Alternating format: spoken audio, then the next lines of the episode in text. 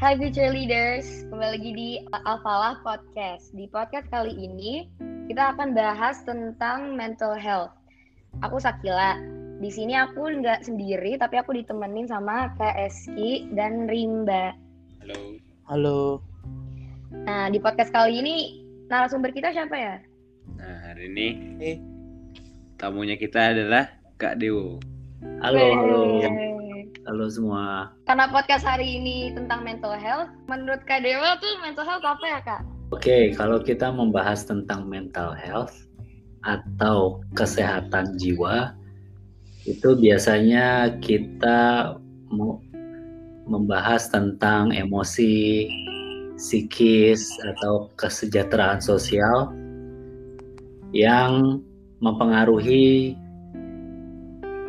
segala aktivitas kita, mempengaruhi bagaimana cara kita berpikir, cara kita uh, merasakan sesuatu, cara kita merespon jika ada hal yang terjadi, dan sebagainya. Jadi, mental health itu salah satu hal yang paling penting dalam diri seseorang. Benar. Hmm. Begitu.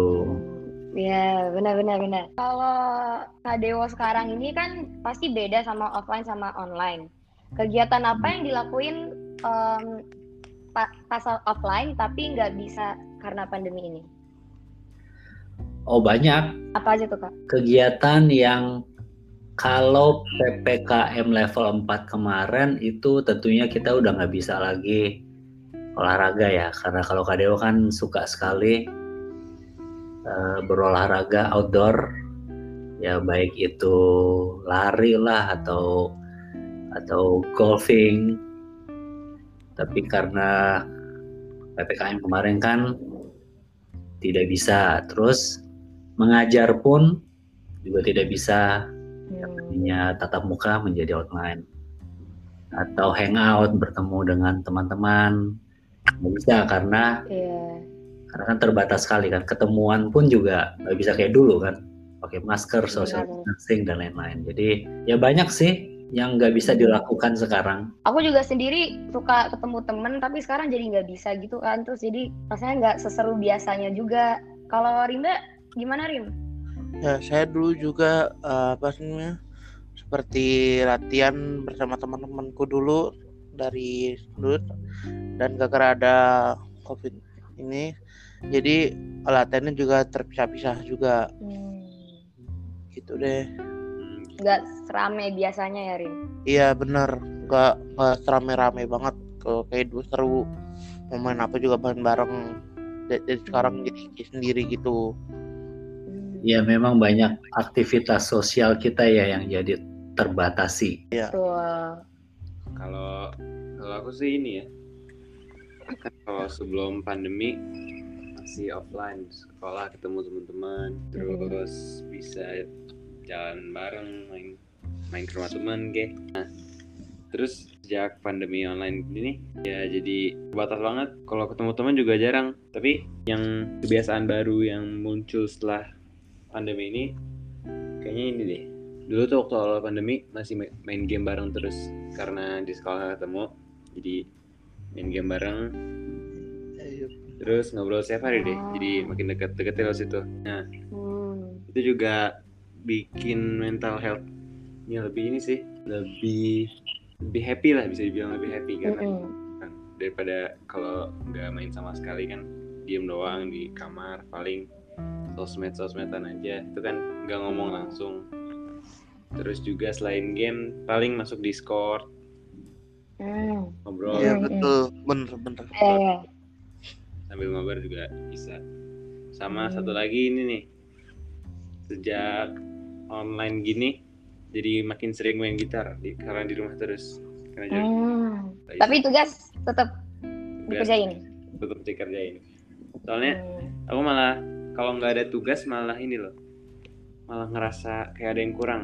Soalnya nggak ada kesibukan. Jadi aku tuh kalau nggak ada kesibukan kayak hampa aja gitu isinya benar. eh, eh, eh.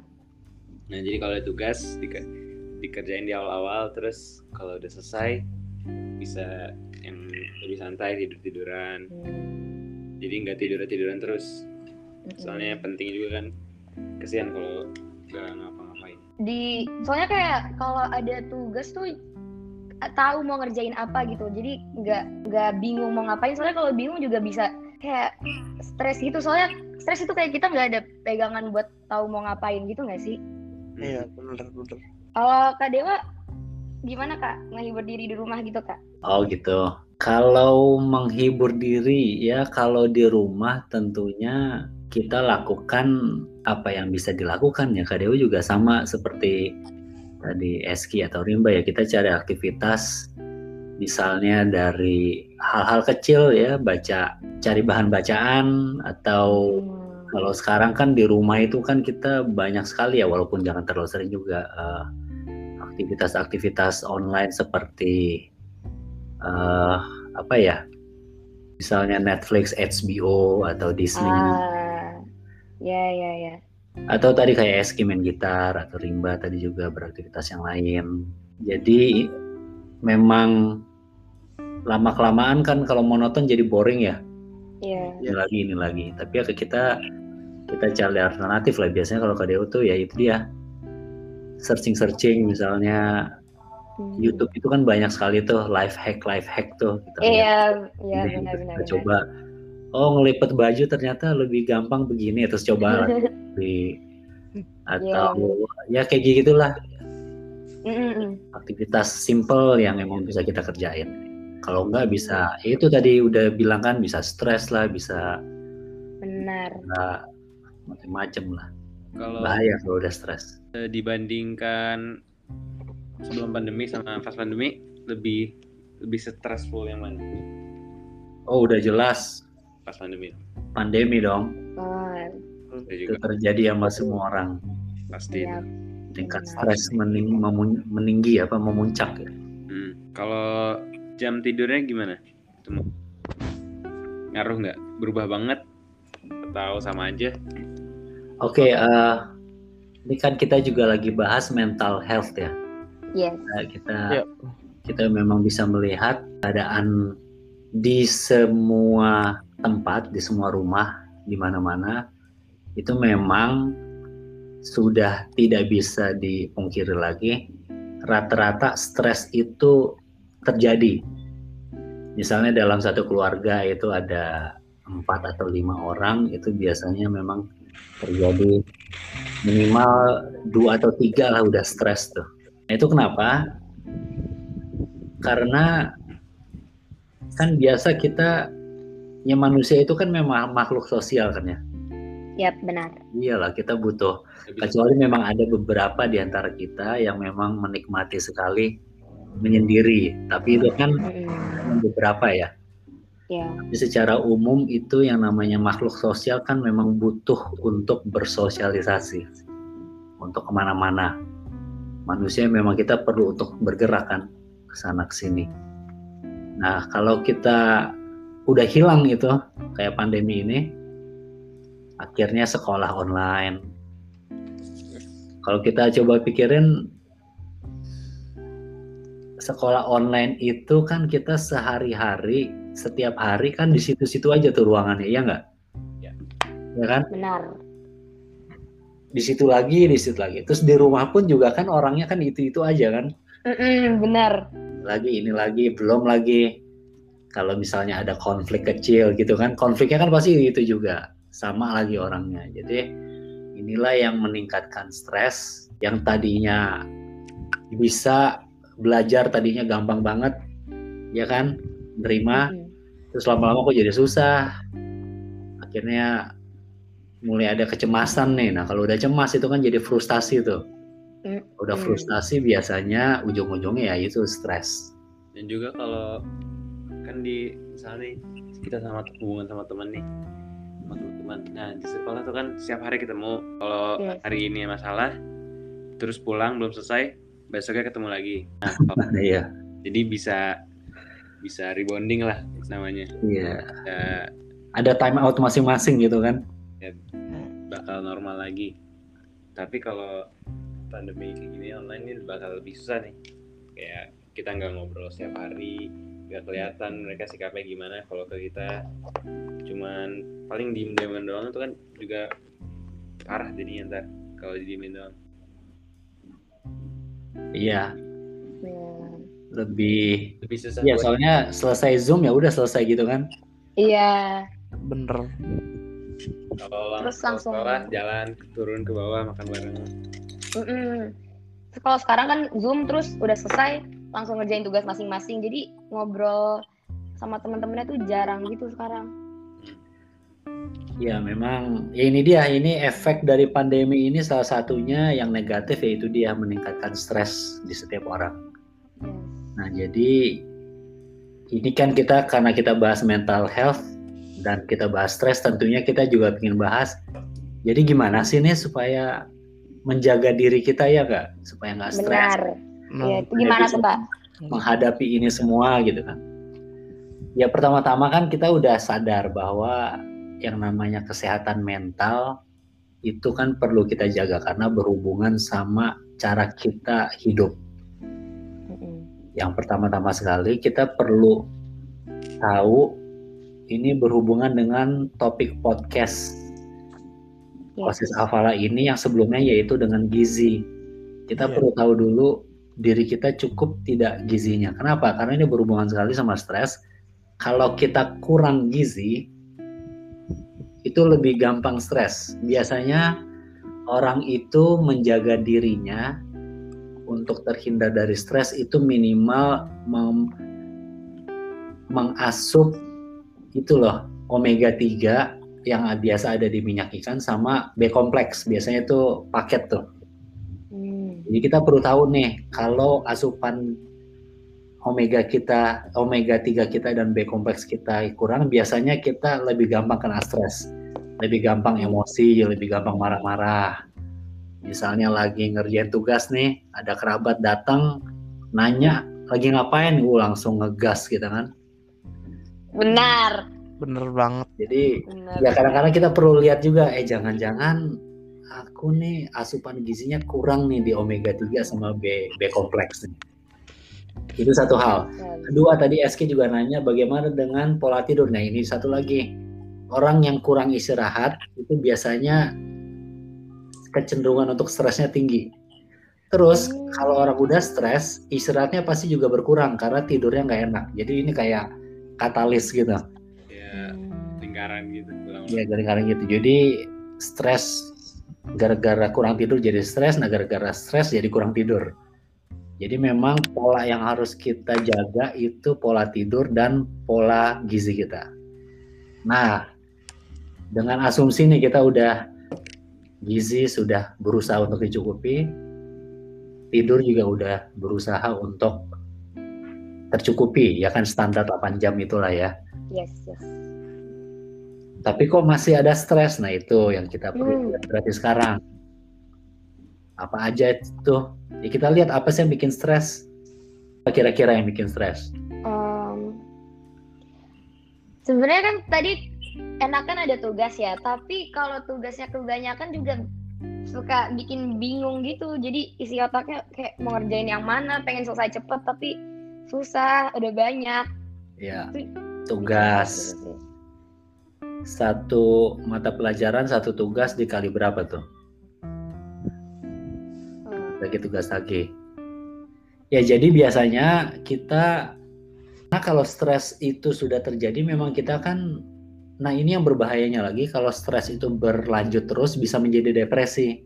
Nah ini yang Hmm. udah kalau udah depresi kita udah nggak bisa berpikir dengan baik. Mm-mm. Cara kita berpikir itu pasti udah berubah banget, udah sulit. Jadi ya itu itu dia sebenarnya nih tadi yang dibahas itu udah salah satu cara untuk mengatasi stres. Bermain gitar, bermain ya bermain game walaupun dengan kadar yang normal ya, jangan berlebihan. Terus game tertentu juga Em, berolahraga, beraktivitas, melakukan aktivitas yang bisa memacu dopamin kita. Dopamin kan bikin kita semangat ya. Atau kalau iseng-iseng ya bersih-bersih di rumah, bersihin kamar, misalnya Mm. agak mager. Iya. Kalau aku, aku bersih bersih nggak begitu sih kak kalau begitu. kalau bersih bersih therapeutikal banget sih Iya. Kayak nge-manage barang-barang di kamar beli beli kayak laci gitu buat naruh-naruh barang Hmm. rapi-rapiin itu lumayan terapeutikal bikin bikin bikin bikin apa sih namanya bikin bersih relax relax Iya Menurutku betul. ya kalau bersih bersih ya menurutku Iya kan itu kita sebenarnya yang tidak kita sadari secara tidak langsung bersih-bersih itu kan memberikan aktivitas di kognisi kita kan. Sama fisik kita kan juga juga bekerja tuh. Bersih-bersih itu kan kita bolak-balik bolak-balik ya kan itu kan ngabisin energi juga. Jadi secara tidak langsung kita sebenarnya udah memacu dopamin itu di tubuh kita. Jadi lebih tenang juga karena sekarang PPKM sudah diturunkan, sebenarnya ini ngaruh juga loh. Kita di mobil bagi yang ini kalau belum bisa nyetir ya minta tolong aja kakak atau siapa. Jalan-jalan aja di mobil, eh pakai mobil. Ah, jangan iya, iya, ya, jangan takut. Eh, jalan-jalan aja setengah jam atau jalan tol terus bolak-balik. Kalau bisa ke Sudirman Tamrin bolak-balik. Mm, mm, mm, itu mm. saja bisa Ah, membantu kita lebih tenang lebih Iya, iya benar. ya. Apa bilangnya seperti ya? seperti saya ya. Oh, gitu Udah, ya, gitu iya aku waktu itu pas minggu itu buat jalan-jalan Hmm. biar nggak ini juga nggak bikin wah gimana sih tahu sendiri lah Protokol Iya. Rim. prokes masih lah. Pakai masih. Ya misalnya jalan-jalan di mobil. Ya kan di mobil juga nggak perlu full juga kan. Bisa berdua di mobil atau bertiga sama siapa gitu kan. Sama orang tua atau sama kakak. Jalan-jalan. Setengah jam aja. Itu itu udah sangat ngaruh banget loh. Itu ngaruh de, apa ngaruh banget Biar nggak dikurung di rumah terus terusan. penelitiannya gitu udah dibikin belum sih Kado udah pernah baca belum Iya, kebetulan Kak Dewo sempat baca sebuah penelitian yang dilakukan oleh ini America American Psychology Association atau APA. Hmm. Ini yang di jurnal mereka di 2 Februari tahun 2021 yang tentang selama satu tahun pandemi ini level stres di Amerika itu meningkat.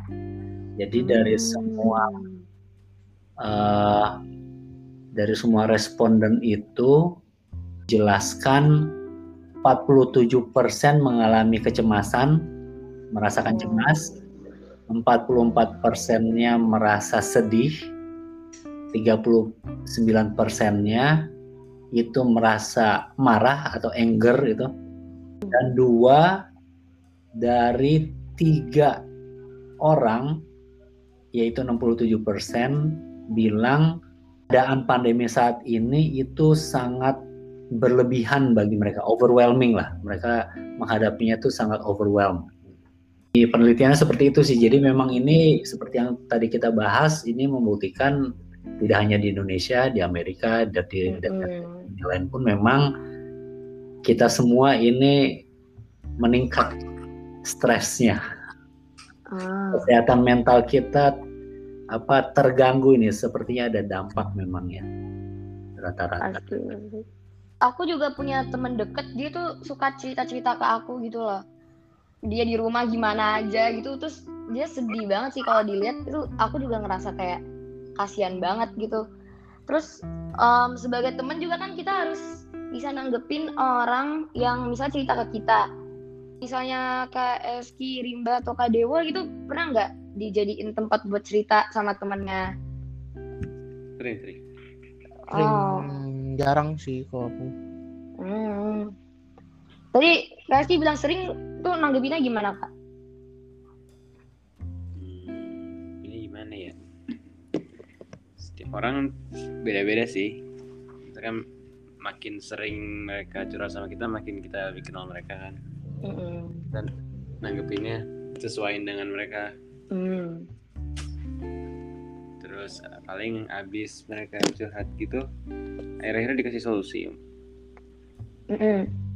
ya Terus- gitu sih Pertama kalau misalnya kita eh, dijadiin teman cerita tuh paling penting tuh menurut aku sih kita harus nge jangan gitu loh. Kita biarin mereka cerita terus kita kayak oh aku aku ngerti kenapa kamu sedih gitu-gitu. Terus nanti kita tanya bisa bantu apa buat bantunya gitu kan. Hmm. yang dihindari tuh pasti saya sering sih orang kalau misalnya cerita terus mereka malah kayak adu nasib gitu loh kayak ini gue juga ya kan? Sama. Iya. kayak ah mending Ah, kamu mending aku mah kayak gini gini gini gini. Ya itu Iya. Padahal orang itu lagi butuh bantuan kok malah kayak gitu Nah, kalau kak Dewa Iya. gimana kak Ya itu betul sekali analisanya itu sangat-sangat betul. Nah banyak intinya mungkin mereka salah tempat curhat ya. Mm-mm. Ini memang sering terjadi curhat yang ada yaitu dia tadi malah adu nasib. Ya apa tadi bilangnya adu ya lebih mending gini gini ya gini lebih Iya, mending adu benar. mending deh adu mending atau justru malah dapatnya mereka diceramahin Hmm, makanya jangan ini harus begini ya, ya.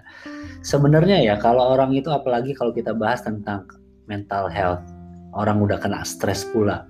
Sebenarnya yang paling mereka butuhkan tuh hanya didengerin, udah itu aja. hmm, Mereka cuma butuh sharing.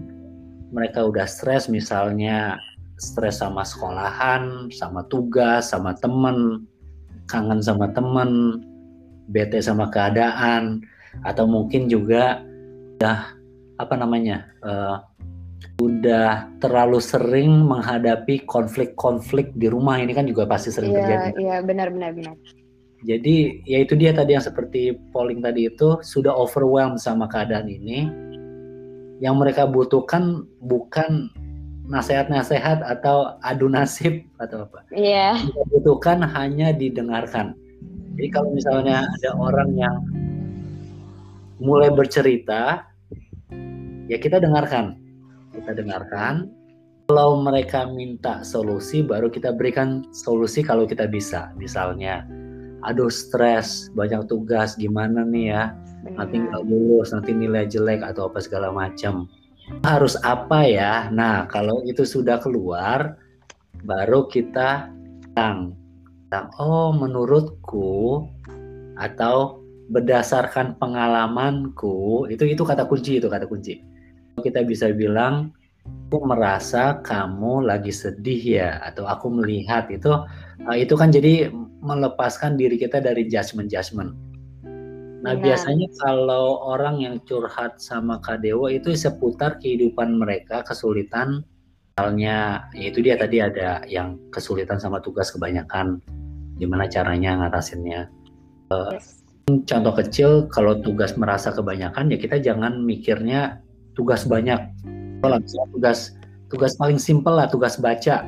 5000 halaman nih atau 1000 halaman atau apa. Kan kalau kita mikirin jumlah halamannya kan Setelah selesai nggak selesai ya banyak ya kita malah ngerasa terbebani gitu jadi Hmm. Iya, yang kita pikir, kita Iya. aduh, aduh seribu halamannya, aduh berapa lembar nih. Pikirin aja satu kata, gitu kan. Kita ya kita lakukan yang bisa kita lakukan. Ini juga udah dibahas sama banyak motivator-motivator ya. Ini di YouTube sih banyak sih bisa cari. Kita memulai itu pekerjaan kecil, kita lebih bisa melakukan pekerjaan yang lebih berat. Misalnya, kalau kita udah baca satu kata, pasti kita nih baca satu bertahap ya. Satu kalimat kita baca paragraf. Satu halaman. Jadi secara tidak tidak sadar kita menyelesaikan tugas satu demi satu. Ya ya kayak gitulah. Kita satu langkah satu langkah. Hmm. kan dari sini ke GBK kan kita totalnya kan ada berapa ribu langkah tuh? Ya kan? Tapi kalau kita nikmatin Banyak, satu langkah satu langkah kan kita bisa nyampe juga akhirnya tuh ya memang banyak ya stresnya apa banyak yang curhat banyak yang kesulitan. KDO sendiri pun eh, beberapa kali sempat aduh nih kok nyebelin banget sih nggak pergi-pergi gitu kan. Tapi ya itu dia kita lakukan yang bisa kita lakukan aja. Hal sem- hal simple itu kadang-kadang Hmm. efeknya cukup banyak. Jalan keluar. Banyak. Suatu itu pasti ada positif dan negatifnya. Nah, ini dari tadi kita kan udah bahas yang negatifnya Bet- dari pandemi. Kalau positifnya eh, gimana nih, temen? Itu banyak. positif. Hmm, hmm, hmm. Apa tuh kak? Kalau ujian, ujian bisa nilainya lebih tinggi. Hmm. Ya memang standar standar penilaian memang direndahkan sih sekarang. Diturunkan bukan direndahkan ya.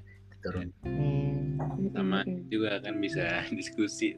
Kalau kita bicara positif, memang itu betul sekali Rimba. ya. Di balik musibah atau bukan dibalik bersama dengan musibah itu kan ada kesul kemudahan juga. Ini Mm-mm. ya hal negatif tapi banyak juga hal positif.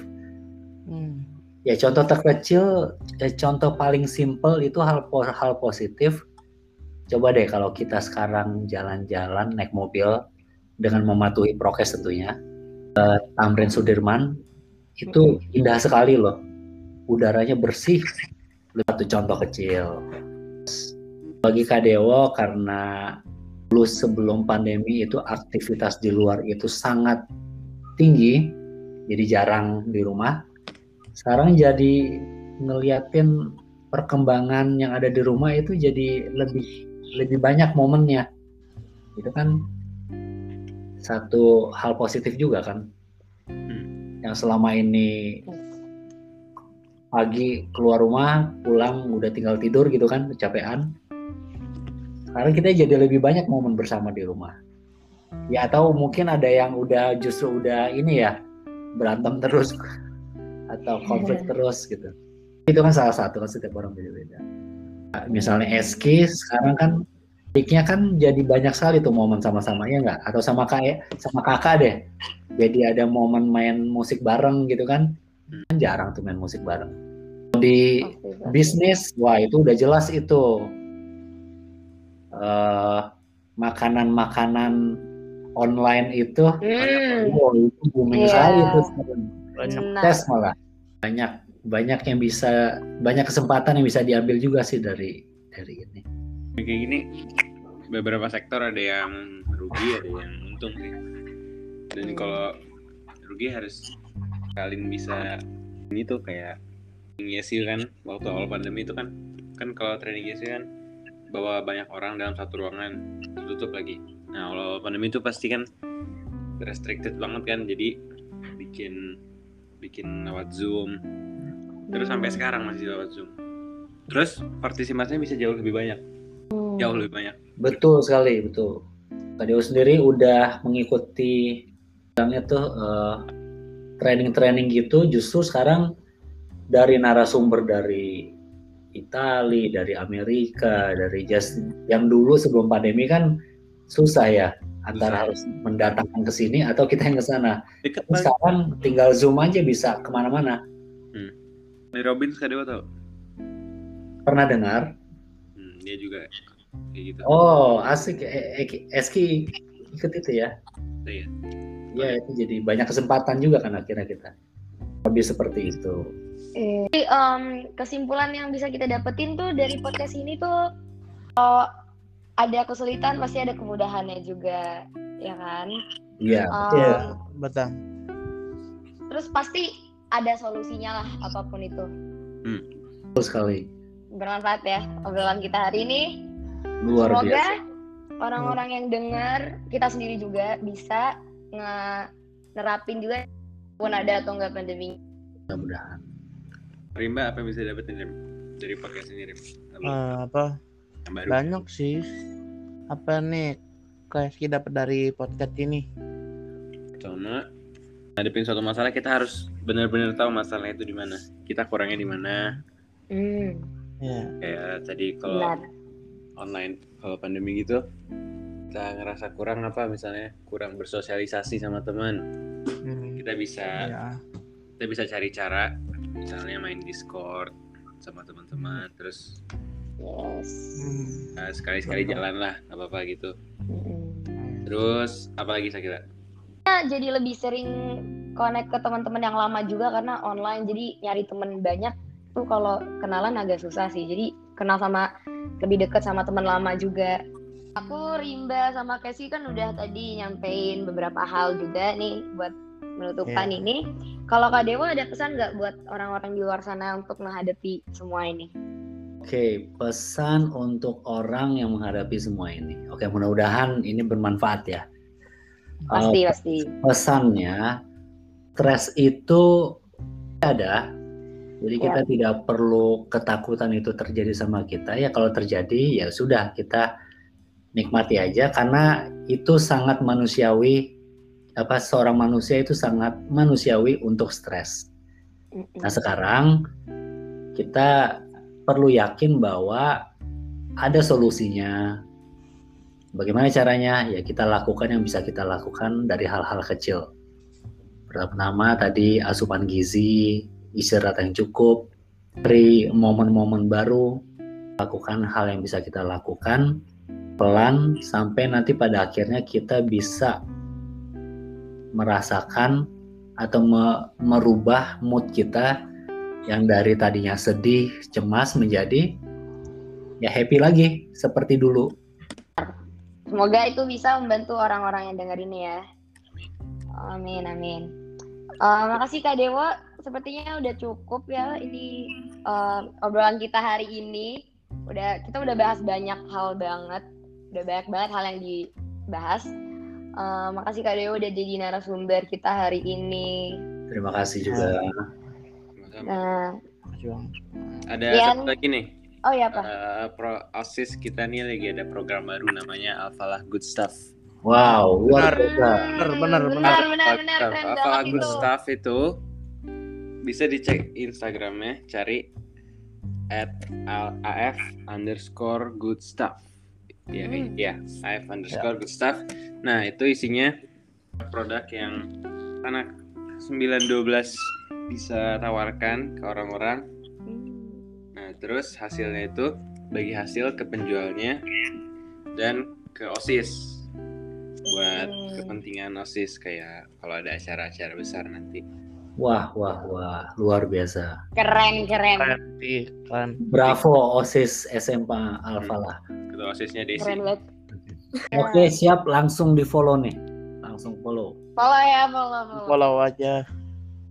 Biar kalau ada yang jual lihat-lihat kalau tertarik beli Kayaknya Um, nanti ada lukisan-lukisan deh. iya ada makanan ada baju-baju juga Buku, pre-love, baju-baju pakaian bagus. udah cukup ya future leader nantikan topik kita selanjutnya di podcast selanjutnya pastinya dadah Dadah. Nah. Sampai ketemu. Oke.